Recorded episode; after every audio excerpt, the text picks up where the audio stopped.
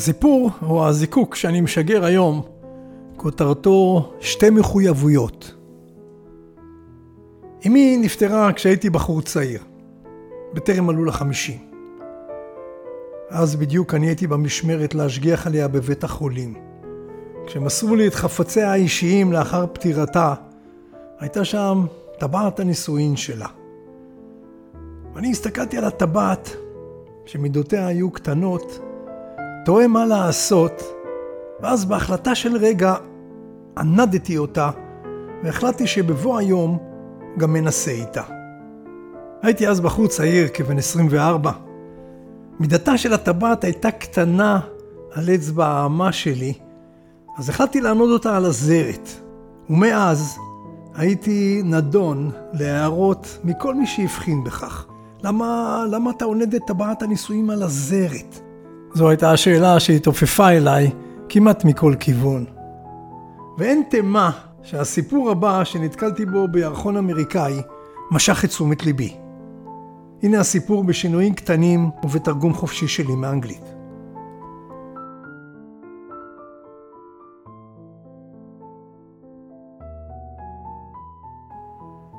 אני עונד על ידי, על שתי אצבעות נפרדות, שתי טבעות נישואין כבר למעלה מתריסר שנים.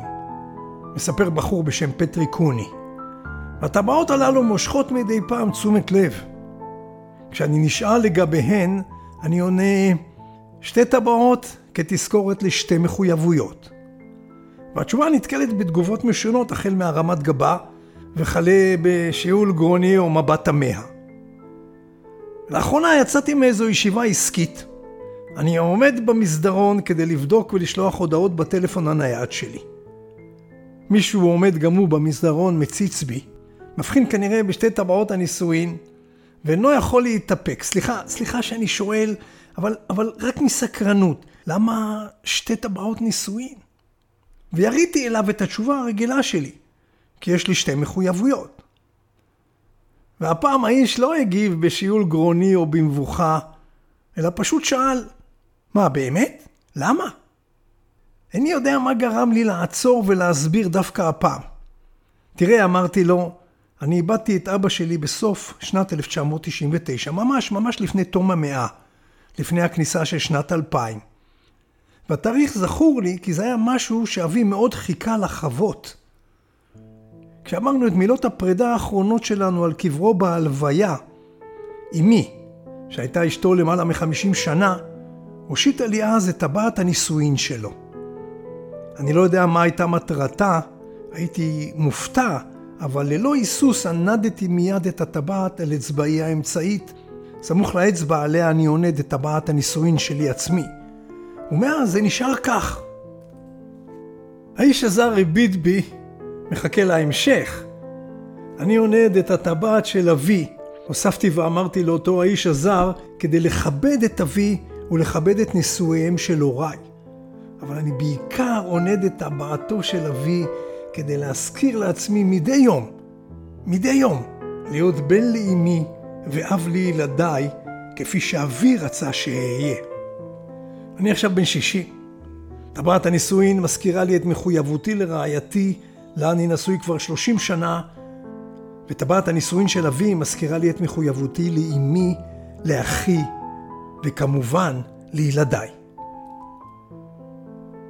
האיש הזר הביט בי, הניד בראשו, וללא מילה הלך לכיוון המדרגות למגרש החנייה.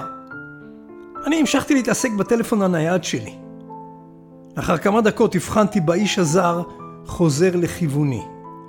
הוא התקרב אליי ואמר בקול רועד, היה ניכר שהוא נרגש. אדוני, אתה, אתה, אתה יודע, גם לי יש טבעת נישואין של אבי שקיבלתי לאחר מותו. היא תחובה באחת משידות הגרביים שלי כאבן שאין לה הופכין. מהיום, מהיום בזכות הסיפור שלך, אני אתחיל לענוד אותה על אצבעי. הנהנתי בראשי ללא מילה, והאיש הסתובב בשקט ויצא למגרש החניה. רק כשיצא האיש משדה ראייתי, השפלתי מבטי, הצצתי בשתי הטבעות הענודות בסמיכות זו לצד זו, והרשיתי לחיוך של שביעות רצון להתפשט על פניי. סיפור פורסם ב-Reader's Digest Magazine בפברואר 2015, סופר על ידי פטריק קוני. וחשבתי כמה אנחנו משקיעים בסמלים של מחויבות זוגית. טקסי נישואין מפוארים, טבעות נישואין יקרות ערך, כתובות, בטוב וברע, בחולי ובבריאות, עד שהמוות יפריד, ולצערנו, 50 עד 70 אחוז מהנישואים הללו מסתיימים בפרידה או לא מאושרים. ומאידך, איננו עונדים כל טבעת, איננו עוברים כל הדרכה או טקס או שבועה של מחויבות להיות הורים טובים. למרות שמילדים כמעט אף פעם לא מתגרשים. אז אולי נתחיל לייצר שבועת מחויבות להורות טובה? אולי עם לידת הילד הראשון נרכוש ונענוד טבעות הורות שיזכירו לנו את המחויבות לילדינו, כפי שעשה פטריק בסיפור. מאמן אמריקאי בכיר בשם מייקל לוין אמר פעם משפט שנצרב בי, זה שיש לך ילדים לא הופך אותך להורה, כמו זה שיש לך פסנתר לא הופך אותך לפסנתרן. ועם הסיפור הזה היה לי קטע מרגש במיוחד. אני חושב זאת הייתה שנת 2015, ואני מספר את הסיפור הזה בתוכניתי בגלי צה"ל אצל שמעון פרנס ביום שישי.